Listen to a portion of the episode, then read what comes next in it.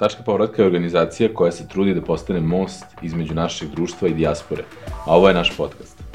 U njemu ćete čuti iskustva i priče naših ljudi iz inostranstva, naših povratnika i uspešnih individualaca koji stvaraju Srbiju. Danas nam je u gostima Ana Marija i ona ne samo da je primer cirkularnog migranta s obzirom da živi na relaciji Rotterdam-Beograd, nego je i neko ko drugim ljudima pomaže da to budu ona je od svog ličnog bloga napravila biznis i sada već nekoliko godina pomaže ljudima da odu inostranstvo na edukaciju na obrazovanje ili na master i kako ona kaže, otprilike polovina tih ljudi se i vrati u Srbiji sa tim nekim inostranim iskustvom. I baš iz tog ugla smo hteli da razgovaramo sa njom, da vidimo kako ona to radi, kako, na koji način im pomaže, ali ono što je nama takođe zanimljivo jer je ovo upravo pokazatelj i neka naša podrška te cirkularne migracije i toga da ljudi trebaju da odlaze i da se vraćaju i da donose neko novo znanje i da kroz to kretanje praktično dolazi do nekog, do neke dodatne vrednosti za naše društvo i za te ljude da u stvari te sve treba da bude vođeno poslovnim i privatnim prilikama koje se ukažu i da je jedna mobilnost u današnjem modernom svetu imperativ za jedno uspešno društvo. Tako da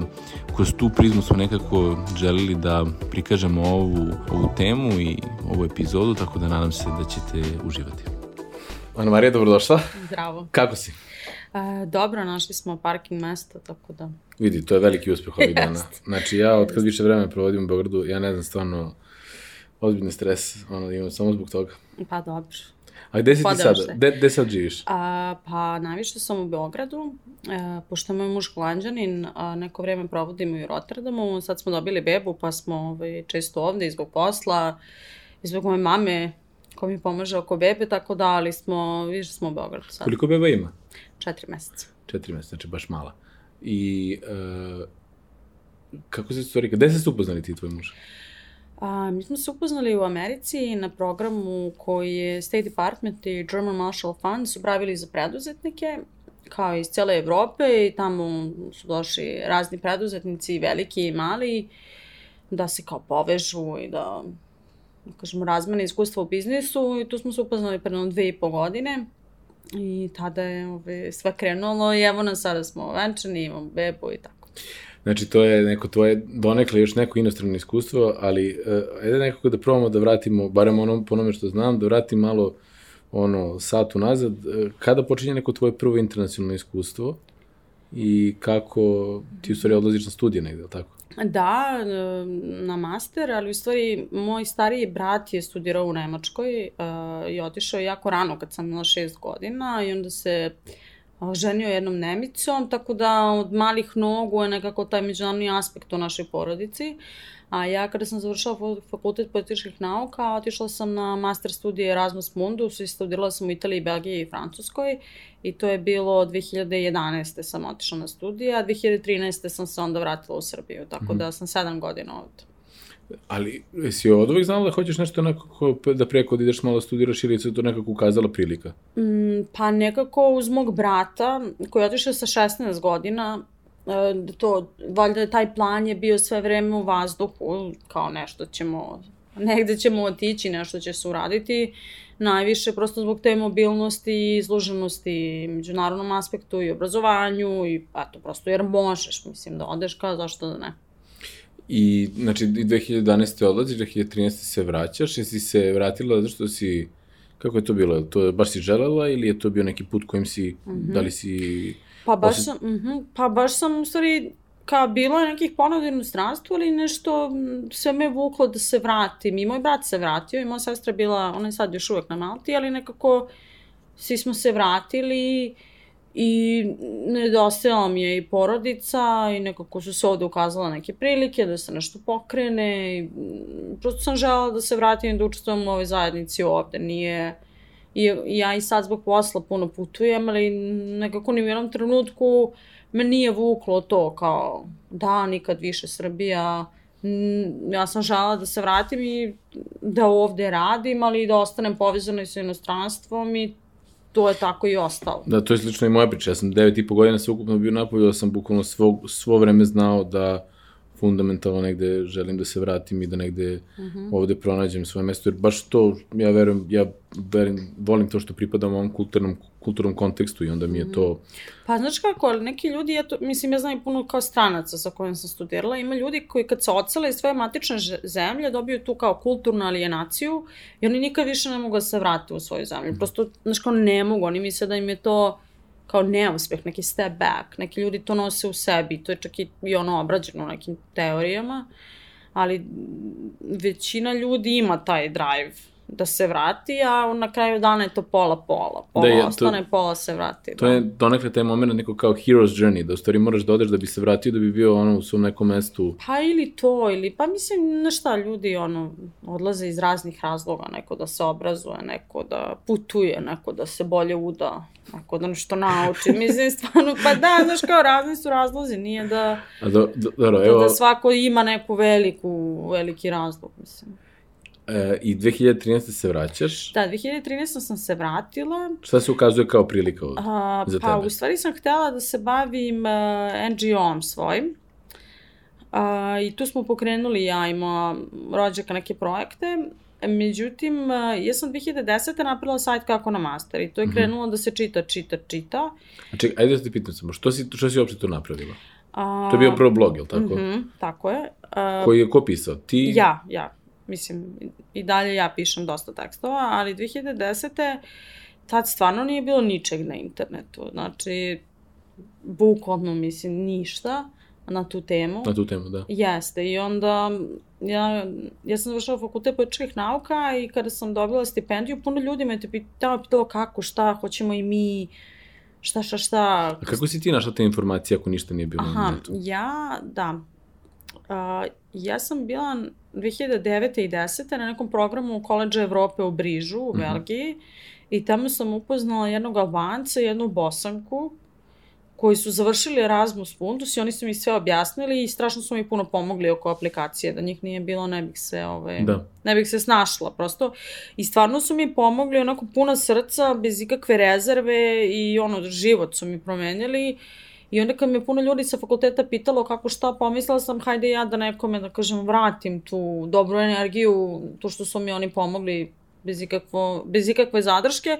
I napravila sam neki blog sa ono pet tekstova kako ovo, kako ono, kako CV, kako motivacijono pismo, onako banalno objašnjeno. I to je krenulo jako da se čita i onda sam to preregistrovala u taj sajt kako na master i to je onda krenulo. Tako da kad sam se ja vratila u Srbiju 2013. pa 2014. to je već imalo 200.000 poseta godišnje i to je već, da kažemo, onako bila neka poseta koja je interesantna, posebno za tu nišu. I onda su me neki univerziteti pitali kao da li bi ti regrutovala za nas. I ja sam rekla da ja kao ne znam ništa o tome. Da. Oni su rekli ne zna ni niko drugi, tako da sve ok, kao snaći ćemo se i i tada je polako krenulo onda sve. I koja, u stvari, koja je to godina kad se dešava ta transformacija iz 2010. si počela? 2014. Kad je, je krenuo, pravo, da, kažemo, da. da, poslovni moment. I kako to, kako, u stvari, baš to mi interesuje, ako i sa nekog tog, sa tog biznis aspekta, ali opet i sa te nekog sadržene strane, kako ti praviš tu transformaciju između nečeg što ti u stvari bila uh, donekle čak i izgovor da kao, ej, ako vam treba više informacija, napisala sam blog o tome, pa pogledajte da. tu. Aha. U e. to kao, ovo je u stvari prilika da negde može neki biznis oko nečega da se napravi. Kako se dešava ta transformacija i kako se ti u okviru nje ponašaš? Da, ja ovaj, no, nikad u životu nisam mislila da ću se kad time baviti poslovno, to mi nikad nije palo na pamet, nego su stalno počeli da mi stižu upiti a, mogu tebi da plati, možeš ti meni da pomogneš, ako što mi platiš, pa piše sve na sajtu, ko, pa bože, svašta. I onda Ti si sam... krenula ako lepo solidarno, razumiješ? Pa ne, da mislim, uh, i dalje sve stoji na sajtu, mislim, posle se taj posao razvija nešto drugo, mislim, i dalje sve informacije su dostupne i mi živimo od toga što, kažemo, provajdujemo te razne informacije ljudima i to je dalje sve na sajtu, nikada ništa nije brisano ili sklanjeno ili ne, bože sačuvaj. Uh, stvari se pokazalo da što više informišeš ljude, oni više žele s tom da sarađuju. Da. A ne kada ti nešto kao kriješ pa kao. Ne. Ali 2015. odlazim u Ameriku na neku praksu u New York I tamo je neka bila neka žena, ono kao jevrika, neka ozbiljna i kao ti treba da budeš preduzetnica, tebi će ti super ići. Ja kao meni, ma ne, nikad mi to nije palo na pamet. Ona rekla Ček, treba ček, da probaš. Preska, kao. Preskačeš korake. A ne, ne, preskačem, zato što ću ti Kako kažem. odlaziš na praksu u Ameriku? Pa tu je nešto me je poslala američka ambasada, ne znam, neko preko sajta kao nešto. Mislim, to je bilo Znači, bez povezano veze. sa tim blogom, to Jeste, kasnije oni su to nešto videli, pa smo otišli, ali ništa to nije bilo, ono, nikakva velika priča, mesec, dva je bilo. Ali uh, to se dešava paralelno, znači nije to nešto kao preko noći. To ono, ti si, e, Burek jednom rekao da uspeh 10 godina, kada, ti kažu kako si uspeo preko noći, pa da, za 10 godina. Da. To je trajao godinu dana taj proces, ali mi je ona rekla ti je bila dobra preduzetnica, ja sam tad po prvi put dobila neko samopouzdanje, to inače nikad nisam razmišljala da ja to mogu. A paralelno stalno stižu upiti, a možeš da mi pomogneš, možeš da mi pomogneš i javljaju se univerziteti, možeš da nas predstavljaš. I onda ja posle šest meseci kao, pa možda bih mogla nešto i otvorim deo na sajtu koji se zove Unajmi mentora i ima kao neki cenovnik. Pa da vidim, mislim, nemam pojma. I meni je trebalo 3-4 meseca da ja shvatim kako se to prodaje. Da. I onda mi je neko rekao kao pusti mi fakturu i ja kao naravno ispustim slušalicu kao šta je faktura, kao čekaj da izgooglam. Mislim stvarno nisam znala ništa, baš je onako from scratch to krenulo. Međutim, jedan, drugi, treći, deseti i pedeseti student, one su se neke stvari, da kažem, uklopile u tom mentorisanju studenta, šta radi, kako se radi i gde im treba pomoć. Međutim, u stvari, glavna priča je krenula sa univerzitetima kad su oni počeli da nas plaćaju, da ih predstavljamo i da im regrutujemo studente. Tu, tu je u stvari krenulo gro Kad se to dešava? To se, kre, to se dešava od 2016. Uh. -huh. Da je krenulo baš to onako ozbiljno. I onda smo 2018. ušli u događaje, u sajmove. Tako da se stalno nešto dodavalo, ali tek negde 2015. 16. sam ja odlučila da kao, to je sad stvarno to i da treba čime da se se, bavim, prati, da, da nekako... Sorry, 2000, do 2015. sam se ja lomila šta kako dok se to pokrenulo, ali to je stvarno išlo onako sloj po sloj, baš kao iz garaže. I u stvari, da, krenula sam iz naučno-tehnološkog parka, tamo mi je bila, kažemo, ta prva kancelarijica i pored mene je bio Vugo Berenić Karp, Da, da, da. sto, ono, sto od mene i kao, A sve ste bili kod Goce iz NTP-a. pa da, nju nismo viđali, mi smo bili od u... E, inače, ovo- znaš da je jedan od osnivača tački povratka naučno-tehnološki park. Pa da, Tako da ja a, sa a mi smo bili sarađujem. tamo u ovom, bože, kako se zove onaj, Ne znam na šta misliš. Pa bio je tamo onaj working process, mi je stalno. A, okej, dobro, dobro, znam, ne znam. Ali on je, ja sam njega pitala kao šta ti radiš, pa kao neka aplikacija, kao da, kao taksi, kao da se ljudi voze. Ti kao, ja kao, pa ja nešto studijem rand, kao super. Tako da je to bilo mnogo slatko, ona, to i on je stvarno napravio baš veliku priču. Pa dobro i ti si. Pa dobro, neka. To je baš veliko. Ali tad je to, da kažemo, krenulo je spontano i onda je od 2016. krenulo baš ozbiljno. I, znači, kažeš, tu, tu ulaze univerziteti koji praktično preko vas Jeste. rade neku vrstu rekrutacije. Tako je. Kako to izgleda? Mislim, zato što ja Mhm. sam prošao neki taj put inostranog uh, Mhm. školovanja nekako individualno, Mhm. a pa nemam Ali zato pojma što kako si to ti išao izgleda. u srednju školu i onda su ti srednje škole usmeravali Tako je. inostrane, Tako je. a ovde kad neko ide u srednju školu, na primjer u Užicu, znaš, oni ne znaju gde fakultete ni ovde, šta, tako je. I, ne I šta vi onda u stvari ljudima pružite? Mhm. Imamo, da kažemo, znači, tri grane našeg posla. Mhm. Ino edukacija kao centra studija školanja u inostranstvu a, predstavlja 100 univerziteta za koje mi regrutujemo u smislu da selektujemo studente, pratimo aplikaciju, šaljemo, komuniciramo sa univerzitetom i reklamiramo ih, predstavljamo ih, održavamo njihov brand ovde, jer svakom inostranom univerzitetu trebaju strani studenti da bi imao, da bi imao visoka rangiranja, Postoje neke tradicionalne destinacije odakle dolaze studenti sa ovih prostora, mi predstavljamo i državne i privatne univerzitete, znači od 1000 evra do 50.000 evra po onim zaista s- ono, kao i sve, svaka roba ima svoga kupca, to je jedna stvar. Druga stvar je ceo taj consulting deo za studente, nekom treba pomoć oko viza, nekom treba pomoć oko dokumentacije, nekom treba profesionalna orijentacija, nekom treba akademska orijentacija, gde da studiram, šta mogu, koji smer, a zašto, šta je marketing, a šta su komunikacije, a mm, uopšte puno je danas informacija na internetu i što više čitaš, što si zbunjeniji Da. i nekada ti prosto treba s nekim da popričaš, ti neko kaže ti to možeš ili da te ohrabri ili da ti kaže ti to ne možeš. Da. Mislim, ima i, I toga. to je bitno. Jeste. I treća stvar koju radimo su svi naši događaji.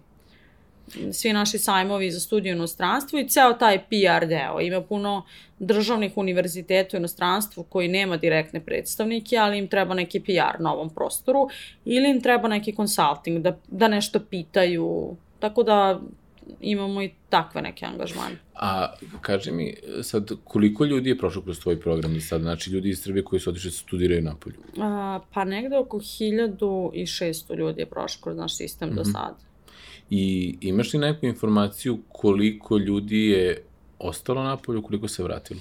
A, pa to je za sada teško reći jer neko ko je otišao na prvu godinu studija još uvek je tamo. Mm -hmm. Tako da, ali ovo što ja znam privatno kao prateći, kažemo, ono, 10 godina prati mobilnost, moj osjećaj je da se pola ljudi vrati i da pola ostane, što neki globalni prosek. Tako da tu Srbija, a, u smislu ako gledamo taj segment ljudi koji se obrazuju u inostranstvu, nije mnogo drugačija od drugih zemalja. Dosta ljudi koji odlazi danas iz Srbije su često ti, ne kažemo, a, profili ljudi koji imaju samo srednjoškolsku diplomu, vozači mm -hmm. ili uopšte, da kažemo, neki radnici ili su to medicinari koji su studirali ovde, a ako gledate samo segment ljudi koji studiraju u inostranstvu, da kažemo da se pola ostane, pola se vraća, a dosta ljudi, da kažemo, baš ovo što vi sad radite, cirkularne migracije, ostane tu negde između, no ne znam, možda radi, imam jednog prijatelja, on je doktorirao sada u Švedskoj i radi tamo, ali je povezan i sa petnicom ovde, pa se tu rade neki projekti, znači, da kažemo, mislim da su više orijentisani ka Srbiji nego ljudi koji su, na primjer, samo završili srednju školu ili fakultet ovde i samo kartu u jednom pravcu. Da. Mislim da često ti ljudi koji studiraju u inostranstvu budu, nastave da budu orijentisani na Srbiju u nekom poslovnom smislu, a neki ovde otvore svoj biznis, neki su deca preduzetnika, neki su druga generacija u tom poslu i dosta njih radi za ove velike sisteme, mlekare, pivare, da. advokati, bankari, sve to. Nešto me zanima? Zanima me, pošto ti imaš internacionalni brak, u smislu tvoj mm -hmm. muž je holandjanin i sad njegov biznis je tamo negde, mm -hmm. tako? Jasno. E, kako balansirati između dve lokacije Aha. i zbog čega? Mislim, šta su prednosti i mane, pošto si vre, neko vreme provela e, i u Rotterdamu. Oni, mm -hmm. kako, kako vidiš e, pa, taj neki balans? Kako tebi to, u tom ličnom, mislim, iz tvog ličnog iskustva? Kako ja sam mislila da će to mnogo lošije funkcionisati. Ovi, međutim, i on je preduzetnik i ja sam, tako da smo u tom smislu fleksibilni. Nekako je ova korona napravila da smo još svi fleksibilniji, da svi možemo da radimo od da. kuće. Da. On, njegov posao je međunarodno orijentisan, onda on tako da ujutru prvo su telefonski razgovori sa Indonezijom, preko dana Evropa, uveče Amerika, po ceo dan je na telefonu. Ali se ispostavilo da može da radi i oni odavde, i ja iz Holandije. Oni u istoj vremenskoj zoni ovde i u Holandiji. Da, Jeste, tako da ispalo je to sve nekako mnogo fleksibilnije i funkcionalnije nego što sam ja mislila, ali u suštini stvarno ako ima ljubavi onda sve funkcioniše, a ako nema možete da ste iz iste zgrade, ali da. neće funkcionisati i on mi je stvarno pomogao i da bolje shvatim Holandiju i da se povežem s takim univerzitetima tamo i da mi da nekako i taj neki outsiders view i na Srbiju i šta možemo da popravimo u poslu, tako da on mi je tu, da kažemo, kao neki savjetnik, ali nije, nije vezan za posao, on se bavi svojim poslom. A gde više vremena provodite?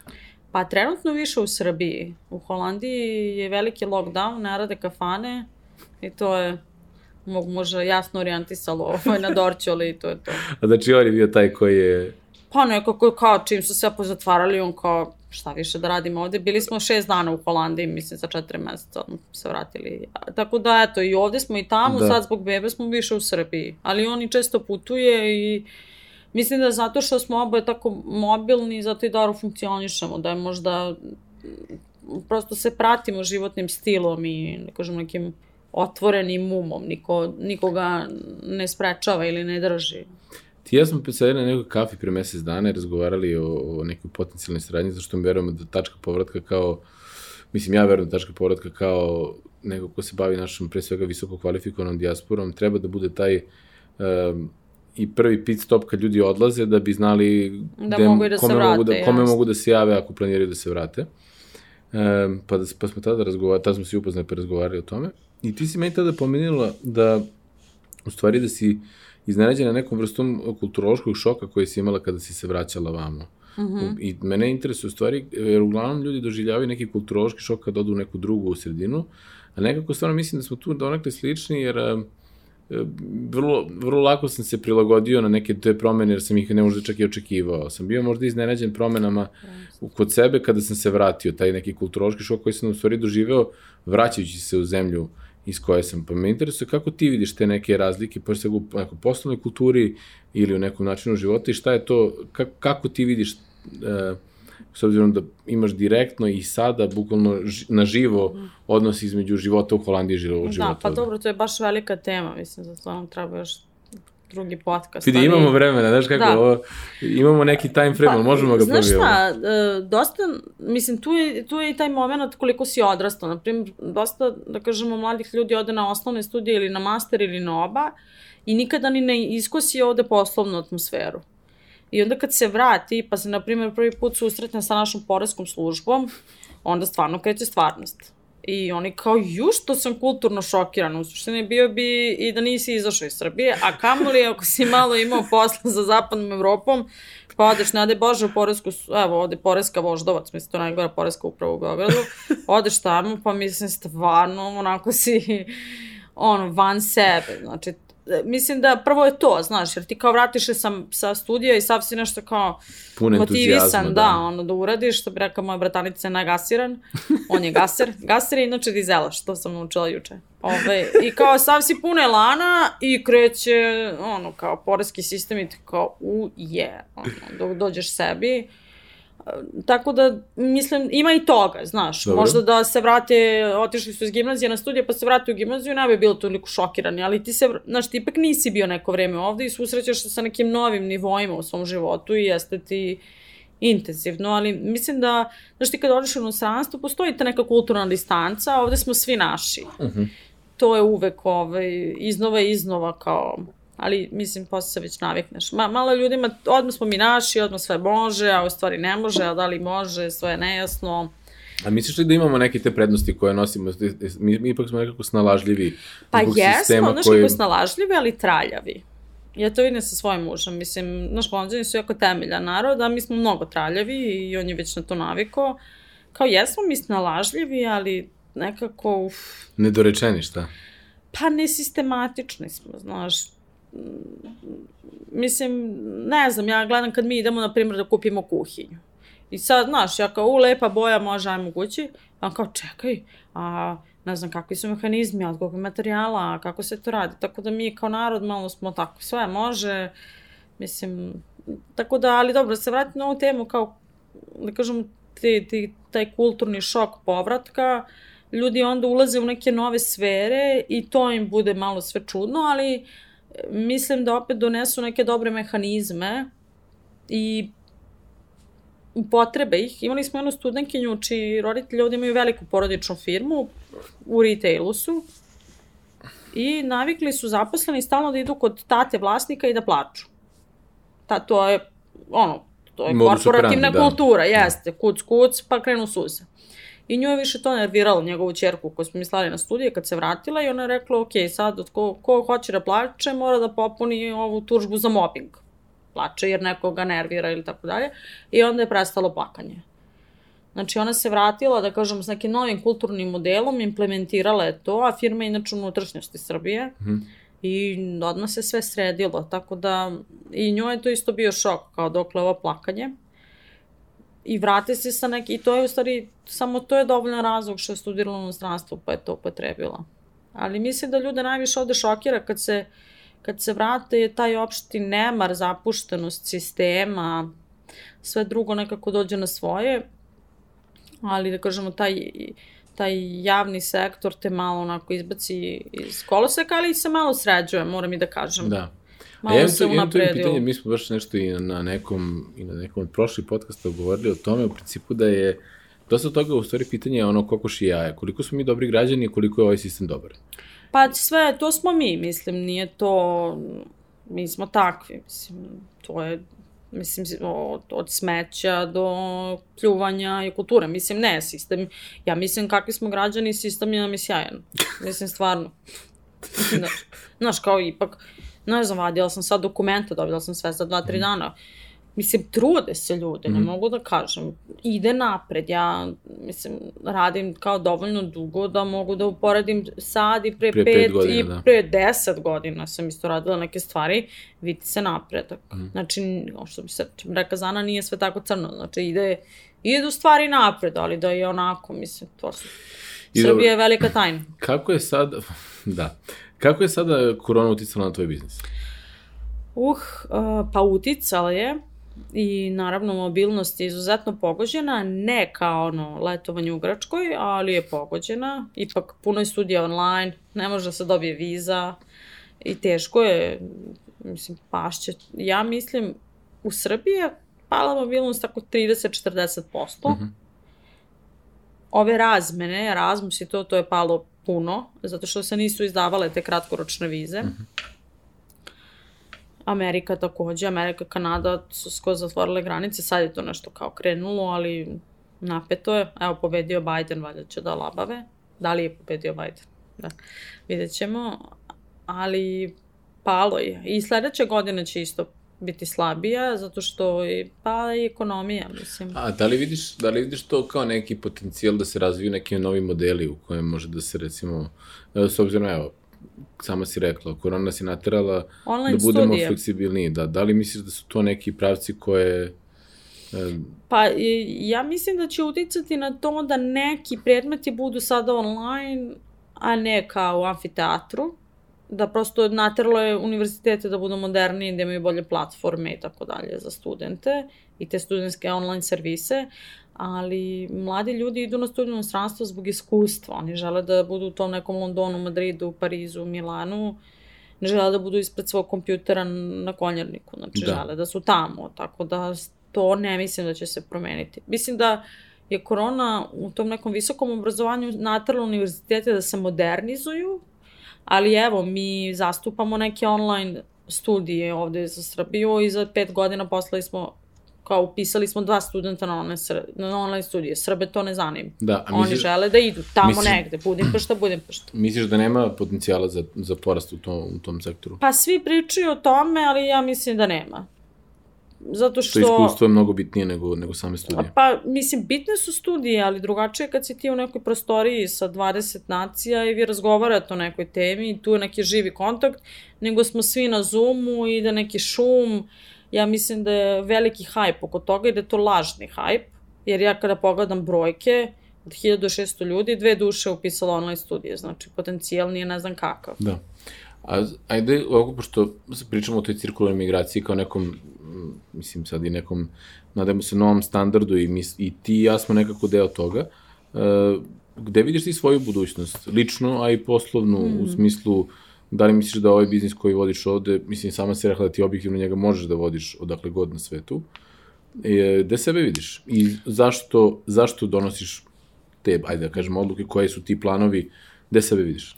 A, pa ja sebe vidim prvenstveno svog muža i svog sina. Mm -hmm. Gde su oni, tu ću biti ja, a gde će to biti ne znam. A, mi imamo ideju da ovde otvorimo još neki biznis u Srbiji koji je vezan za HR, mm -hmm. da dovedemo neke, neke holandske licencije, neki know-how ovde u Srbiju, to nas zanima.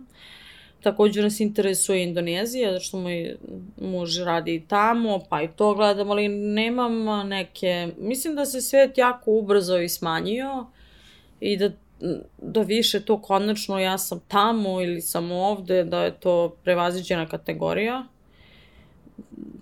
Svakako vidim sebe poslovno prisutno u Srbiji, a i ovako, mislim, ja baš kupili Društveno, smo, da. kupili smo stan, tu smo, ne nameravamo da se isključimo iz ovog društva i stvarno ovo nisu 90.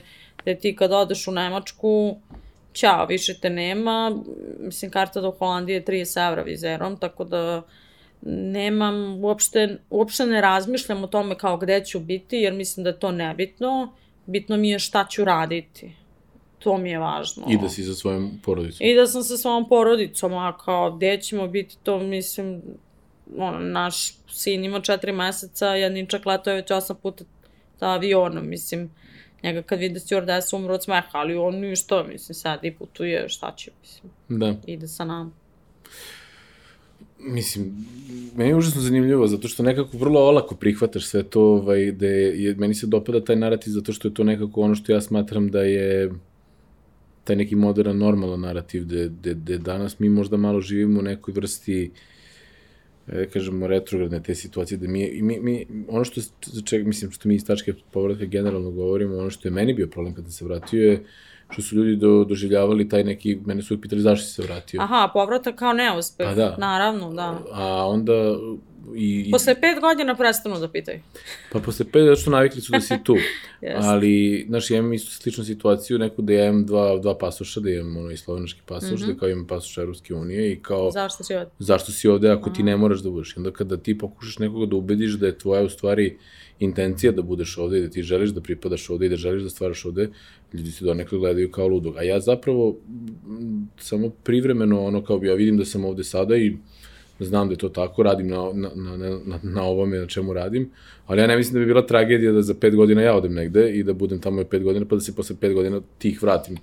Pa, Tako da- ali, ali recimo to je ono što si rekao, kulturni šok. Mislim, ovde ljudi postavljaju puno tih nekih privatnih pitanja, kao zašto, mislim, kao u krajnjem slučaju stvarno šta te briga, mislim, kao Da. to je, mislim, privatna stvar, da li neko živi u Leskovcu ili živi u Liverpoolu, mislim, ono, daj da pričamo o vremenskoj prognozi. Da, ne, i to je nešto što smo se i na nekom drugom podcastu dotakli, ovaj, uh, Minić i ja, to je da je, da je to, to su ta neka pitanja možda malo nepristojna. Pa To je to. jeste, ali mislim, ja se sećam ranije kad sam bila klinka, ja kažem, brat mi studirao, brat mi je mm, studira klarinet u Nemačkoj, svi me pitaju, ja ti šalje pare, mislim.